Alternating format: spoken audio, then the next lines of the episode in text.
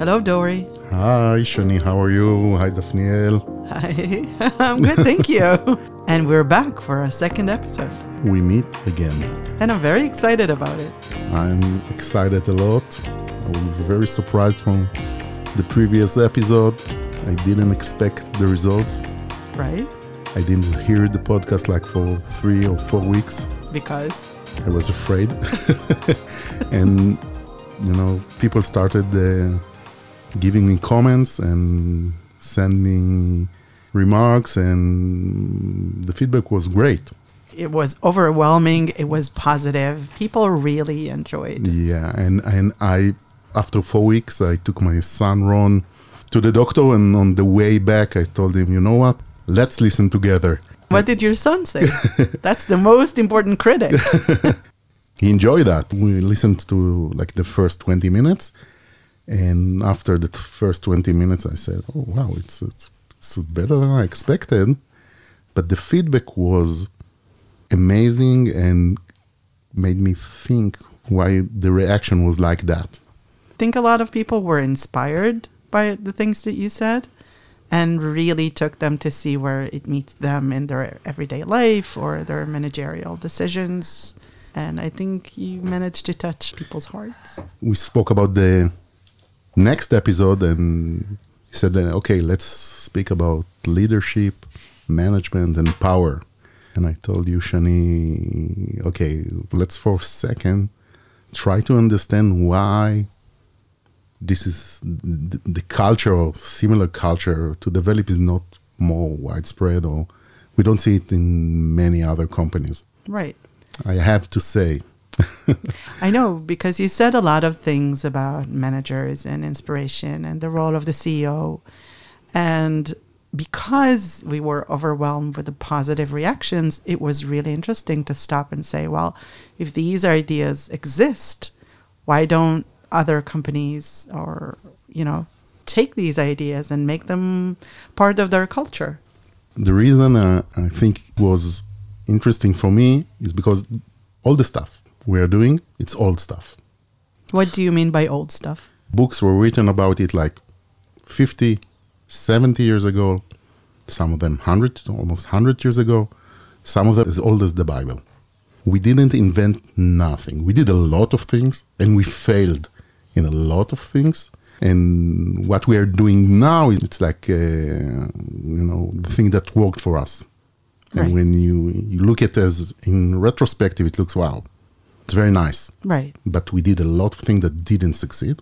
And I, I wanted like to, with myself, like, told you, let's take time and I want to arrange the things in my head and, and, and do like a mind map of why this is not so common. What are like the forces that works against the culture of empathy or servant leadership or conscious capitalism in organizations? So today we are talking about the challenges or barriers that prevent companies from um, applying cultures of empathy and adopting the idea of management as part of inspiring and growing uh, people within companies. And we spoke about um, the fact that these ideas have been common and av- available for a lot of time, but still companies are struggling to apply this. And you know what? We want to know, and I'm sure the people who are listening to us want to know why do companies don't do that? Why don't we see more empathy? And you have a list. So let's start. Let's Okay, start. I, I think it's it's it's a little bit like diet. okay. okay, it's hard, Yes. and and the forces are working against you, and I'm the first to know. It's not the forces to succeed in changing the culture and bringing uh, servant leadership or conscious leadership culture. The forces are against you. I wrote down like a list of I think like seven or eight items why I think an empathic culture is not succeeding and why it's not widespread because it's like a flywheel. You turn the flywheel, and the flywheel is like a heavy disc, and each iteration it's going faster and faster and faster. But imagine that you're trying to turn the flywheel and then something holds you back and stops you, and then you need to start to, with all the effort to start turning the flywheel again. And when I tried to prepare to this episode, I came with the list, and I think the starting point is the problem. Our basic training, thing that we're most trained for, I think starting in kindergarten, maybe even earlier, is command and control.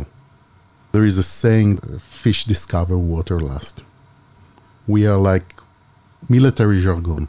We took it to our civilian and work culture. For example, company, campaign, recruiting, mission, mission critical, bootcamp. We are doing bootcamp. Target, take no prisoners. All of these are military jargons. And as of that, and there is a nice saying uh, of, uh, of the Navy SEALs, they say that you don't rise to the occasion, you sink to the level of training.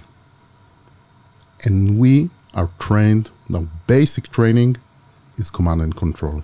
And when we are under pressure, even a little bit of pressure, we throw out everything that we read or heard about or wanted to do, and we say, okay, move aside, I'm taking control. This, I think, is the first killer. Do you think that we sink or we fall back, if we want another military jargon, to this command and control type? Does this mean maybe that we think this is more effective in times of distress? That empathy could be, you know, a pleasure, a nice to have, but when we want results, when we need KPIs, when we want, you know, when money, it's money time. So we are falling back to the method or campaign that proved itself earlier. I think it's like our second skin. When we are under pressure, we, I'm doing like quotes, we don't have the time to let someone else do the job. When we take over, they are left behind on the floor of the room. It's like a chicken and the egg paradigm. So it's a question of trust. It's a question of trust. But the chicken and the egg paradigm is what are you trying to build? Are you building a business using people? Or are you building a business to build people? Zig Ziglar said that uh, his saying is like, uh, if I'm not mistaken, you don't build a business, you build the people that will build the business. And this is the whole thing. And it's sometimes, it's in Judaism, uh, I think in Talmud, there is the long, short way. When you take over, most of the time it's destructive. And this is like, I think, the first block. The second block, and you need to understand that it said the fish discover water last. This is like the biggest on the job training we are doing since kindergarten. The second block is literature. We are reading a lot of books, we're seeing a lot of movies, a lot of uh, culture, and there is information over there that it's not fact based. And I have a nice example of that. I just finished listening for a book like two weeks ago, and I went for Audible and I looked for his recommendation, and then I saw the 48 Laws of Power. I said, okay, sounds interesting, and uh, I think I never heard about it. It's like in the sixth place on the previous week of books sold on Amazon, not only management books, total. And in the eighth place of the most book read, they know it because of Kindle and Audible. And I went to ChatGPT, the friend, I asked him, okay, can you summarize the 48 laws? And I started reading and I said, oh my God, this is opposite of what we're doing. And I said, okay, can, can you summarize it to a paragraph? And I read the paragraph and I said, oh my God. And then I asked, can you do the antithesis paragraph for that? And this was developed. Because the word was? Trust, transparency, inspire. And I said, okay, this is, and I took like from the first episode the trick that I like to say. I asked ChatGPT, can you boil down the whole book, the 48 Laws of Power, to one word? The word that came out was manipulation. And I asked, what is the antithesis for manipulation? And it was empathy. And who wants to be manipulated and micromanaged? Simon Sinek says there are two ways to influence people you can manipulate them or you can inspire them. And micromanagement, who wants that? And I will tell you who wants that. If you're in an environment and not a safe environment, and you have a diminisher boss that doesn't trust you, you tell him, okay, tell me what you want me to do, I will do that. But you're coming each day, you hang yourself on outside the office and waiting to the day to finish. If I understand correctly, so we're talking about inspiration from popular culture and management books and conversations about management as a sort of power or manipulation that aims of how to bring the most um, I want to say useful, but it's it's how to make your employees more useful, more effective, to drive revenue and to drive more efficiency. And what you're saying now is it's not necessarily. Companies need to be more open to books and ideas and school of thought that looks at empathy as a tool or as a north star of executives to drive revenue eventually. The problem is it's indirect. It's indirect and, and it's hard because you know what you think you know what need to be done. But eventually this is doesn't scale up. You're a single person. You want to be something big, you need to scale. You need other people. There is a saying uh, I like it a lot that says that IQ got you hired, but EQ got you promoted. Emotional intelligence. You need to inspire, can motivate. There is a lot of data outside, a lot of books. Regarding the 48 laws of power, I, I, we have the Develeap Conscious Leadership Program. It's like a training course we are doing each week meeting. And I this week I show them this uh, story about the 48 laws of power. And two of them attendees in, in the meeting said, Hey, this is a great book. we read it. And I guess it is. Right. But some of the things over there, it's 33,000 years old. And this is not how people work. We don't want to be manipulated. We don't want to be micromanaged.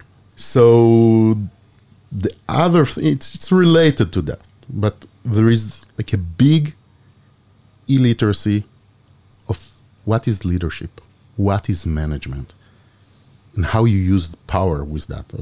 And this is a big problem. And it got me thinking, uh, especially now we are talking about like large language models and uh, did like I played with uh, ChatGPT a few weeks ago, and I asked a question, and then I asked what Jim Collins would say, and I asked what Simon Sinek would say, and what Adam Grant would say, and what Peter Drucker would say, and I was amazed how the answer were sounds like them and how it was near reasonable that this is what they will say.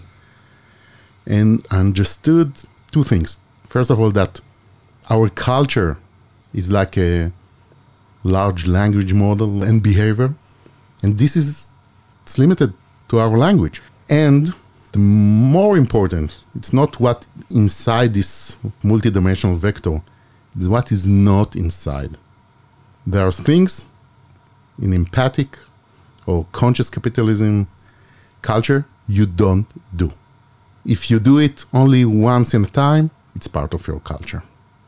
Are things you don't do. This is why it's so hard for companies because they don't think about the things that they are missing or the things that they have their daily routine, but they could add or change. What's the first thing if if we we want to embrace a culture of empathy? So, what is the first thing that you would recommend to notice? I know at Develeap there are a lot of little things that make the difference, right? In congratulating in celebrating each other and um, asking questions and interested in the other person that you're actually that you're meeting actually caring. So if companies want that first step it's not a question of what to do but it's a question of what not to miss. The point is not to miss is great. I'll get back to the paradigm of the chicken and the hen. If you're building business or you're building the people who build the business. And when you're coming to build the business or building the people, you want to take the whole person, nose to tail. I'm mostly vegan. okay? But nose to tail, they are not a function. They are not just coder. They are not just product manager. They are not just HR. They have dreams. They have needs. You want to have a culture that not one size fits all, one size fits one. Everybody is different and it's changing all the time. And it's hard work. My mother used to say, she was like, a, she died like 20 plus years ago. And she used to say that uh, she was a parent uh, instructor in the Adler Institute for more than 40 years. And she used, to, used to say that if we would have known the full story, it would have been much easier. Right. Okay? And we don't know the full story. Most of the time, all the time, and even when we think we know the full story, we don't. And we need to strive. 9.9 out of 10 times, when an employee is underperforming, there is a story behind that. What you're suggesting is that executives that see employees who are not performing at their best need to look at the bigger picture. On our DCLP, yeah, sure. On our DCLP, uh, like we have like 16 meetings over there. It's like over 16 weeks. What is DCLP? Uh, Develeap a conscious leadership program. 80% I think of Develeap already went through that. It's like a 16 weeks training course I'm giving. And for the five, six meeting, we are doing the same conflict, same exercise, and every time it boils down to the same place. And I'm taking the people over there and I, I'm pushing them to the corner to react from the stomach. And I want them to react from the head. And it every time boils down to the same technique. It's uh, Daniel uh, Pink coined that. Instead of the old-time salesperson ABC always be closing, he coined the new ABC attunity, buoyancy, clarity. And it doesn't matter if we in the DCLP, I'm telling you, okay, you're now an oncologist doctor, or you're a CEO, or you are whatsoever. Okay? And I, am asking them and pushing them to the corner and usually people react from the stomach. The same you you you sink to the level of your training. And they are taking control. They want to and instead no. Attunity listen to the person. You don't know the whole story. You don't know the whole story. Buoyancy. Put his nose above the water. See one size fits one. See what can help this person currently, not uh, generic rule and clarity.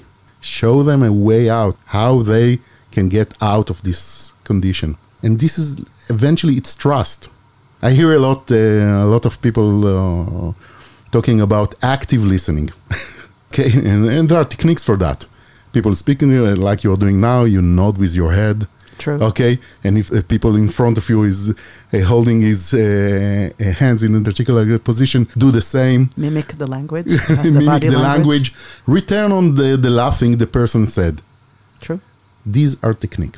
True. okay, but if at the end, if you don't act upon what was said, they will not come to talk with you again. They had a very nice feeling and they said, Wow, Shani is amazing.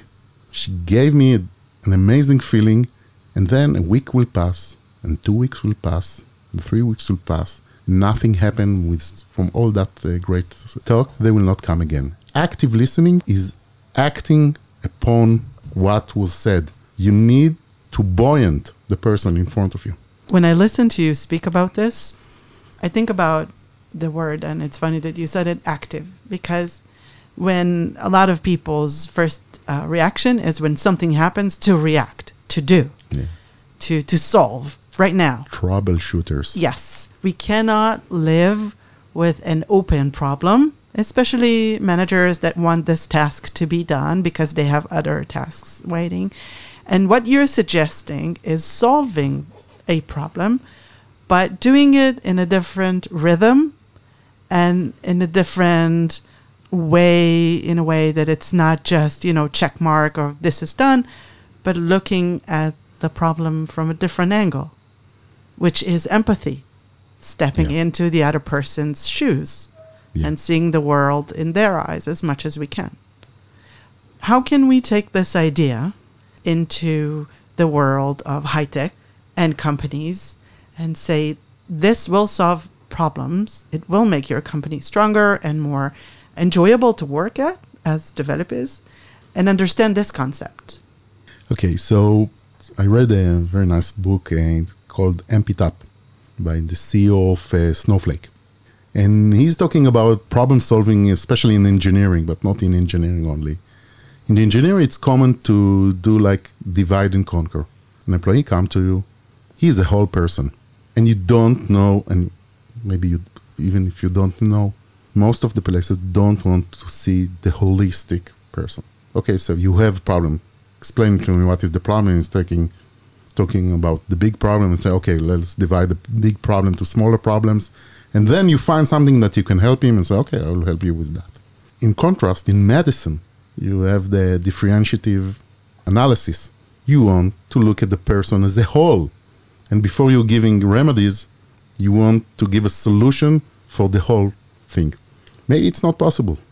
But I think that when you, this is your state of mind, the possibility that we will find a better solution is higher. Absolutely. This is the water that you talked about earlier. So, what else is challenging for companies to, to apply? it? I will get back to the list of, of the forces that are acting against an empathic culture. So I think the fourth thing is the problem of mentoring and feedback.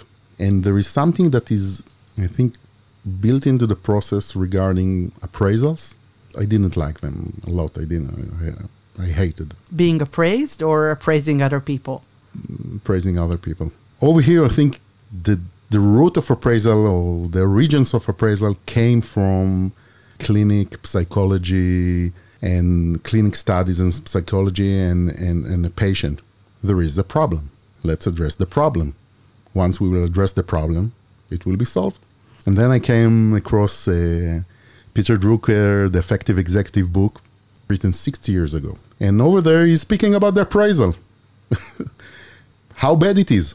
And the focus is on what you are not doing well. And then he is speaking that he went to Japan to consult a company. And they said, ah, we, we, we don't like your appraisal process. He said, why? And he said that, okay, you know, uh, we can't move anyone from his position. Maybe only when he will be over 45. So we, it doesn't matter for us to focus on the things he's not doing well. We are focusing only on the things he's doing well. I'm telling you, it's not only a waste of time. It's a motivational killer. Ray Dalio from Bridgewater says every one of us, every one of us have blind spots, things that you are not good at.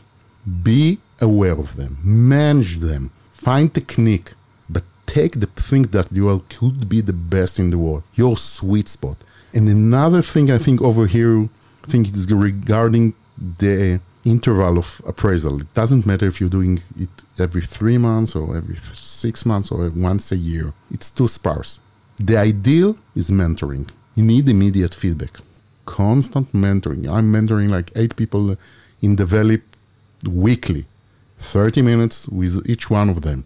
And they are mentoring other people as well, their teams. Mentoring is crucial. But if you have an appraisal process, speak about the strength. Try to take him, and this is all stuff. It's like the first book I, I read like 20 or 30 years ago, Gallup and I think uh, now Find Your Strength, something that spoke about focusing on the strength of the person. Put aside their blind spots. Put aside. Focus on their strengths. Focus on their strengths. This is the place. And, and we spoke about mentoring and feedback. And, and interesting, Simon Sinek is talking about that. Okay. The biggest gap is, or the, turn, the, the hardest transition in your life and career, especially if you don't have mentoring and training, in, is when you transition from the person that is doing the job well, is doing the task well. You're master of your domain. And because of that, you're get, getting promoted. And now you need to manage or to lead someone that is doing the job instead of you. And this is a hard transition. And it's a pitfall. You are better than him most of the time and the temptation to micromanage him or her is very, very high. You need to be aware of that. You know why I think it's very hard for people to do that? Because when we see uh, someone and we can trace their blind spot, we want to tell them about this. Some of us will say because we want to help them, because we care. But part of it is because managers say, I see the process. And that makes them the, the whole appraisal about them. And what you're suggesting is it's not about the managers that are giving the appraisal, it's about the employee. So it's not about if you found out the process or if you know how to solve it, it's about how you make the other people or the other person work better or feel better or, you know, elevate their entire situation. Am I correct? Yeah, this is your task. It ain't about you. I said it on the, fr- the first, the first episode. episode. It ain't about you. This is the starting point. Your role, and I'm telling to my people, and you should tell it to your people as well. I'm here to make you fulfill your potential and exceed it. This is my job. My job is that you will succeed. This is my job. And if you are not succeeding, I will try, Jim Collins wise, to find the right seat on the bus for you. Power. This is a place where you are using power. And I'll try to find your seat on the bus for a few times. If eventually I will not find the seat, I will take you off the bus. And this is another place you, you use power. And these are all Jim Collins analogies. The first place you use power is bringing people on the bus, the right people on the bus. Jim Collins says, first who, not what. You need the right people. You want people that will build your company, people that you build your business, and start with the right people. This is where you use the power, and use the power later to find the right seat for each one of them. And if you can't find the right seat, you take them off the bus. When you're speaking about the importance of choosing the right people to take the bus yeah.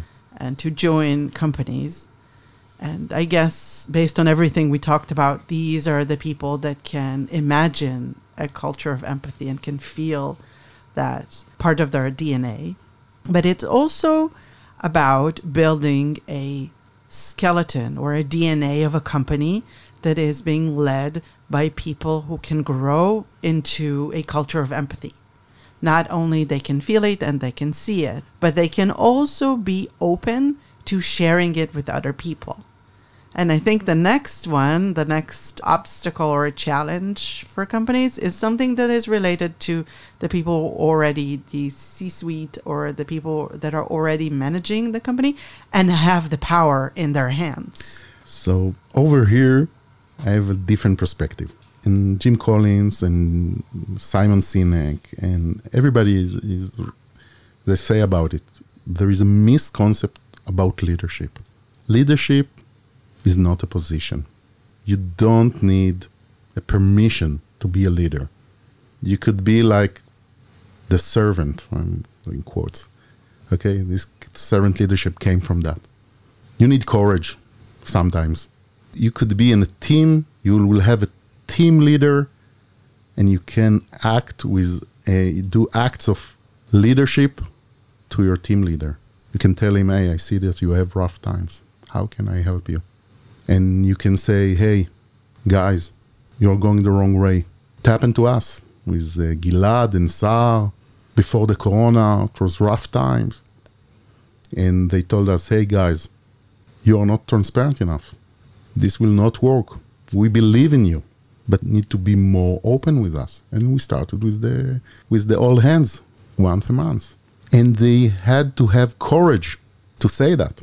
They weren't team leaders then, uh, okay? They were members, and they came to us. But there was a culture. They don't know if they thought it's okay or not okay, but they had to had courage to come and tell us that. And you need to generate the environment for people to speak up. So, from my point of view, leadership is something that you you can be a leadership for once in your life, for one action. It could be your last action, okay? And still you're a leader. And you could be, I don't remember the quote, uh, your boss will make you a manager your people will make you a leader, something like that.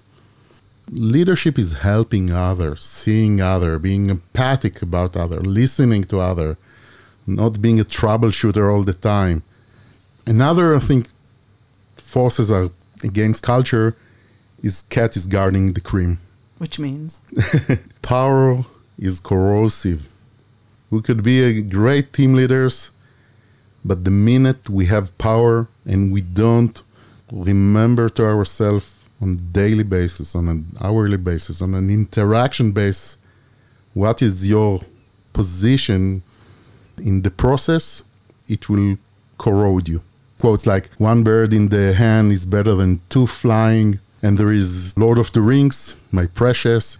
It's so beautiful, and you want the ring, okay? You want the ring, and the more you put it on your finger, the more you want it. William Pitt said, Unlimited power corrupts the possessor, and this I know that where law ends, their tyranny begins, and it's relevant to our times. And another quotes, power tends to corrupt, and absolute power corrupts absolutely. You need to be aware of that. And the problem that it's hard for us to be aware of that, and this is a blind spot. And the problem that this happens to us there's a nice story. I think Eli Amir wrote the story. I tried to find the origins of the story. I couldn't. Story about the person who climbed the Eiffel Tower every day. He went to the Eiffel Tower every day, and the guard looked at him, and every day he's coming the same hour. He's going to the top, looking around on the city, 15 minutes, and then go down. And the guard one day decided he will ask him, "Why are you coming here every day?" You're the only one doing it. And he said, You know, I'm in love with Paris. I'm in love with this city. I think it's the most beautiful city in the world. He said, Okay. I still don't understand why you're coming to the tower every day. And he said, You understand? I hate the tower. I think it's ugly, awful, and I think it should have been dismantled when they built it. And he said, Okay. It still doesn't explain why you are coming here every day. He said, This is the only place in Paris you don't see the tower. and it's the same for us. We don't see ourselves, especially when we are managing other people. We think we are much better than we are. Yes. Hard truth. It's true. yeah. Yeah it relates to what you said in the previous episode about sharpening the saw and about investigating where we can better ourselves. But now we're talking about it from a point of view of an entire culture of empathy. It's not just about us, as you said. Yeah. And I think the last point, and I think it's it's like an optimistic one. Optimism is good. we need some. Yeah. Things take time. Maybe we're on the way. For example, bloodletting was a common practice for thousands of years. Think since the 16th century to maybe later, it was already a known, maybe like 17th century, maybe. It was already known that this is a bad practice that is not working. And still, I think George Washington, in the, his final hours, they did like bloodletting on him. Of course, he, he died. So things take time. And we need to be patient and consistent and doing it day after day after day after day after day. What would you say to people who are like in a diet, as you started? people who are, you know, they're tired of trying and they just want to let it slip to command a little bit, like, you know, sneaking some food and some sugar. And what would you say to executives or people listening to us who are trying to do this, but it feels frustrating? They need to put a lot of energy into this, and it's very hard to see the results, at least immediately. I think Seneca wrote that he has a book of the first book of anger or something like that.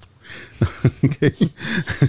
he spoke about anger and people, well, why, why are you doing that? Driving me crazy. Okay, why you? I asked you specifically do, and Seneca said that anger is a misalignment in expectation. So these managers need to recalibrate their expectations. Command and control, sometimes they are great for short time, short time burst. It's not sustainable over time. It's all alignment. It takes time to train people and to model. We spoke last uh, episode about stewardship. You need to model it all the time. There is a nice book, the son of Stephen Covey, his name Stephen Covey as well, Trust and Inspire. I recommend everybody to read it.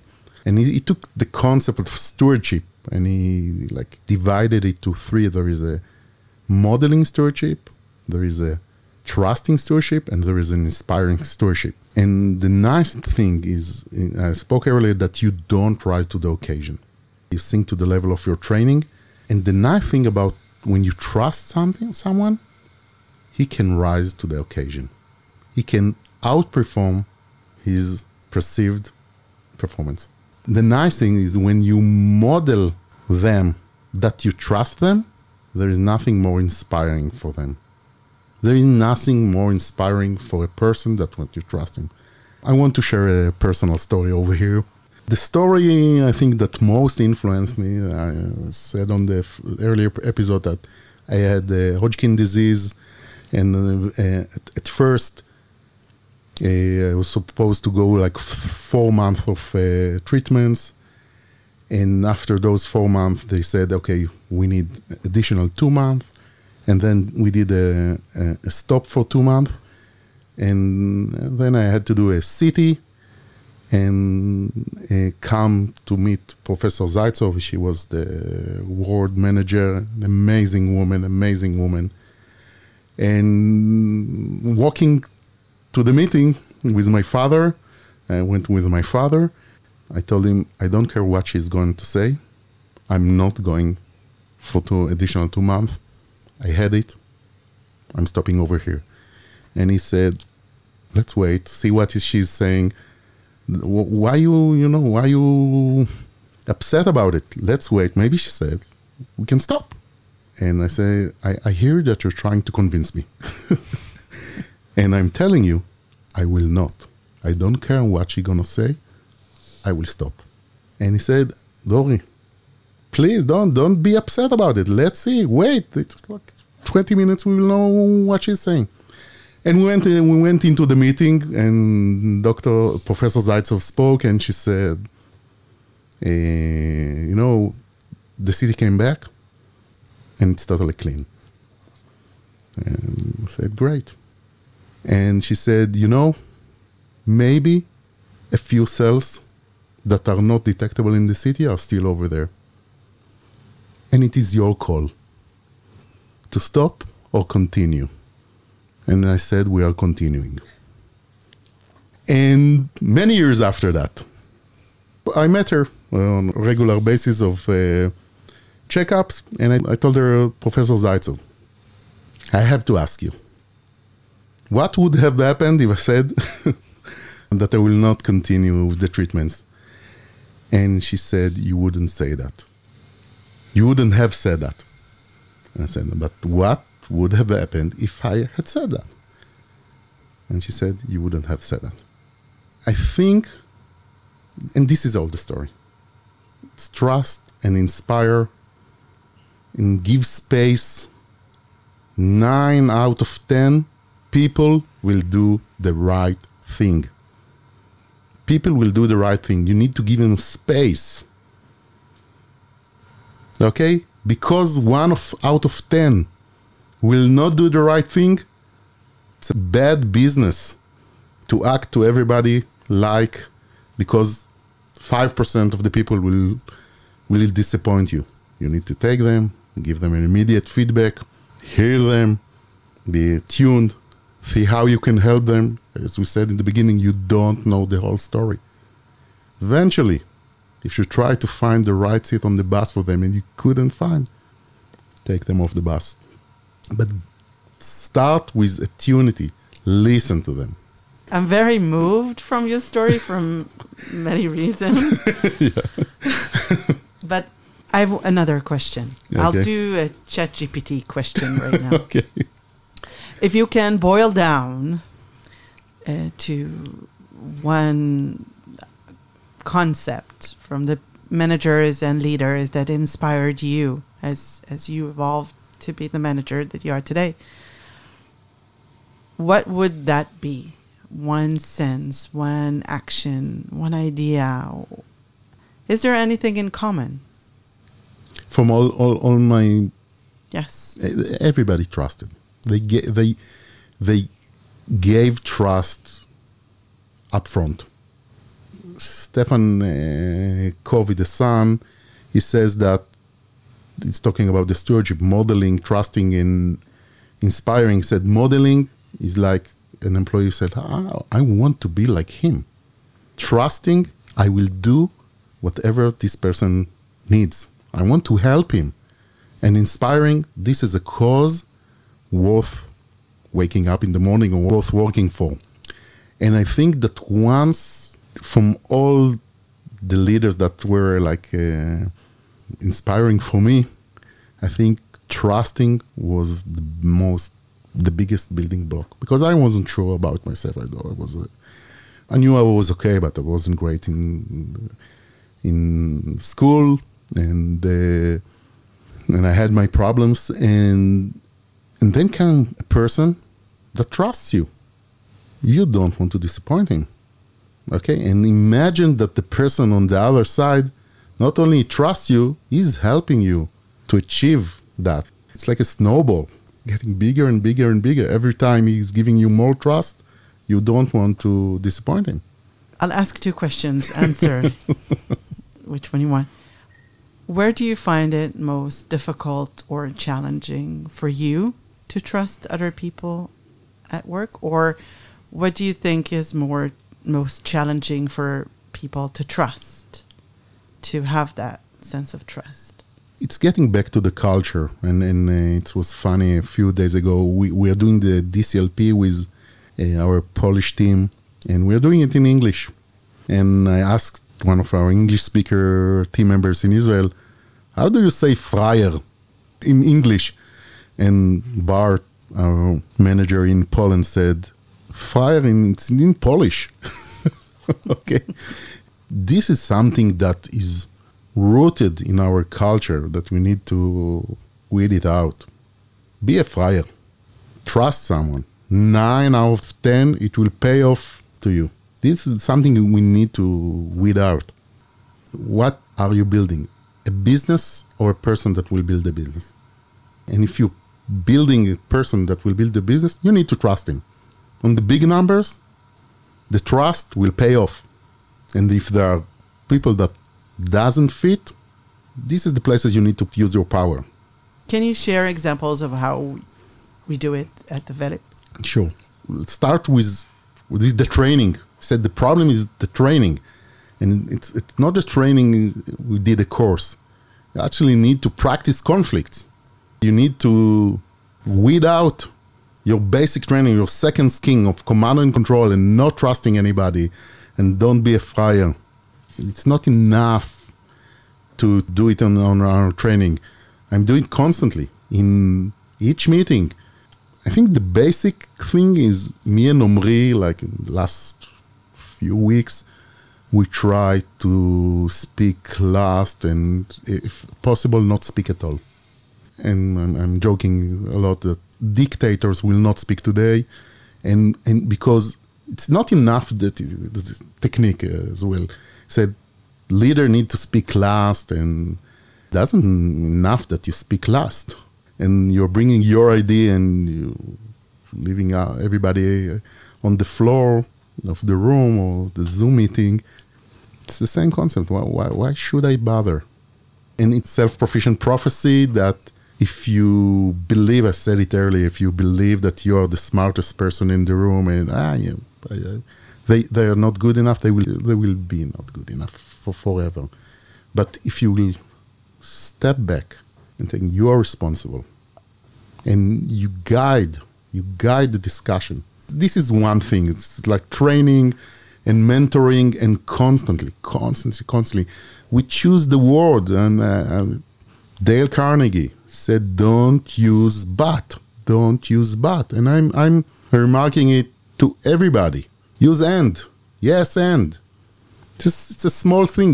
This is a culture thing. A very nice example from uh, Zingerman's Delicatessen in uh, Ann Arbor. A, they have a nice book about um, service, and they don't use no problem because they say it's imply there was a problem. And I had a very nice uh, talk with, I was talking with one of our employees, Reuven Smadja, and he wrote me NP. So I told him the story.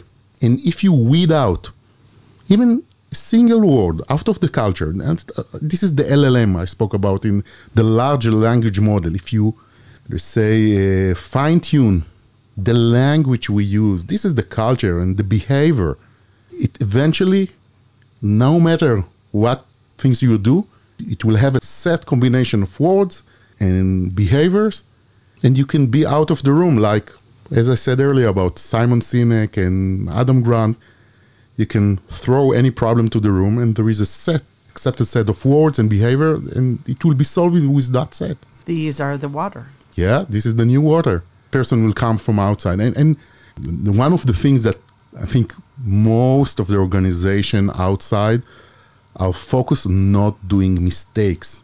And this is something I'm doing, let's say, in like mentoring wise in every conversation. They're saying, okay, uh, let's do this. This is too risky. This is not good. This, I said, okay, I'm with you. Let's not do any of these ideas. Can you explain me where are you planning to take risk? Where are you planning to fail? Because if you're not planning to take risks and you are not planning to have the possibility to fail, we are not a performance organization. This is mentoring. And, and you asked about how you're doing it uh, in, in Develeap. So said about building a business or building the person. We want Develeap to grow in order to have places to the talent to grow with Develeap. So this is another place we're talking about in a, in a state of mind of abundance Develeap could be much bigger, and we want people in Develeap to have places and to make spin-off, to have places and them to grow together with Develeap. And and we are doing mentoring, I said earlier, and we have something that's called meerkatting. It's like the meerkat, the mammal, I don't know sure what kind of animal is that. Meerkat. Yeah, okay, yeah, meerkat, and and they're you know they're, they're standing together. And Lion King has a meerkat. yeah, yeah, yeah, yeah, yeah, and uh, we have we Timon.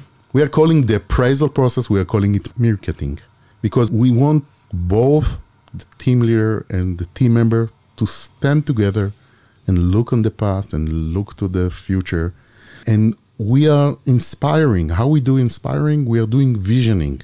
We write, and I write every person that is under my responsibility, I am writing where they will be in five years. Writing an article, uh, like a press release. The press release is about him in five years. Do you share it with them? Sure. This is the purpose. And, and not only the purpose is that I want them to show it to other people as well in their family. Because this is inspiring. I'm telling you, you can get over there. And, and after I share them, I ask them, is this the direction you want to go? We have like two meetings. On the first meeting, we're speaking about let's look on previous three months, let's look ahead, like a year ahead, three years, five years ahead. And I ask, where do you want to be? And it's hard questions, uh, especially for young people. And then I take it back and I'm writing the press release and I'm sending them and I'm getting the feedback from them. And this is to inspire them. And I'm telling you, everything is possible. If there is one thing that you think that people are, there's a misconception about bringing a culture of empathy, about the return on love that we spoke about on our previous episode. What is the misconception, if there is any, that you would like to change? It's, it's not me to change. Uh, Jim Collins wrote over 20 years masterpiece, fact based on the companies that succeeded versus the company that didn't succeed. It's over there. It's, it's the valley is still young, still small. We are not in that category, but it's out there. You just need to read it and try to adapt it to your organization. Every organization is different. Every culture is different. You don't take it as a whole. You take the things that are relevant to you. I want to conclude with another type of question, and that is why should companies adopt a culture of empathy? It's a business strategy. We took conscious capitalism, it's a business strategy. We are not tree hugging, we're capitalists. We want to build a company. It's a necessity to be profitable. It's not our goal, it's a necessity. We want to be profitable. We have like a flywheel. What we are going to do is the, the profit we are generating. And so, first of all, we can bring opportunity to other talents. This is like our higher level purpose. But on the other hand, we can generate new ventures, do uh, more with less. The profit is is essential to the future of Develeap. But this is not the goal. This is not the higher purpose. This is not why we are waking up in the morning. The, the reason we are waking up in the morning is that we want to help other people. This is the reason. And, and there is nothing more satisfying than that. There is nothing more satisfying for that. Stephen Covey, the father, is speaking about uh, start with the end in mind, and he's talking about your funeral Remind you, we're optimistic here. yeah. Uh, start with that. What you want over there? I guess mm, you want to have a lot of people that you help them along the way. Okay, and and we're looking for people that this is the things that drive them. And even they, if they're not over there now, it's addictive. Once you start the dopamine rushing, the helper high. There is a helper high okay, the dopamine rush in your blood. So oh, this is was nice. I want more. I want more. And Peter Drucker boils down very, very nice what is leadership. And he says it is doing the right thing. And this is a moral thing, yeah. And he's talking about management. He's talking about doing the thing right. And the most eye-popping sentence I heard from Stephen Covey in uh, Trust and Inspire is that you manage things and you lead people. You need to do both, but you need to distinguish. You don't manage people, you manage things. You lead people. All of these things you need to constantly remind you. It's like a diet. okay? You need constantly remind you because dopamine for power and micromanagement and toxic, it's over there okay, if you're saying a word, it's part of your culture. Even if you said it once, you need to control yourself. You need to stop and listen. Listen and count to 1,000 before you say each word. You can't say whatever you want. All right. Well, it's a lot of a lot to think about. That's for sure. Thank you, Dori. I'm Dr. Shani Horowitz Rosen, and I had the pleasure of speaking with Dori Kafri, the CEO of Develeap, in another episode of Return on Love. Thank you for listening, and I'm looking forward for our next episode. I'm sure it will be inspiring no less about management, about empathy, about what companies need to do to have a culture that I want to say respects employees and can see the other. Thank you. Thank you. Thank you, Daphniel. Thank you, Shani.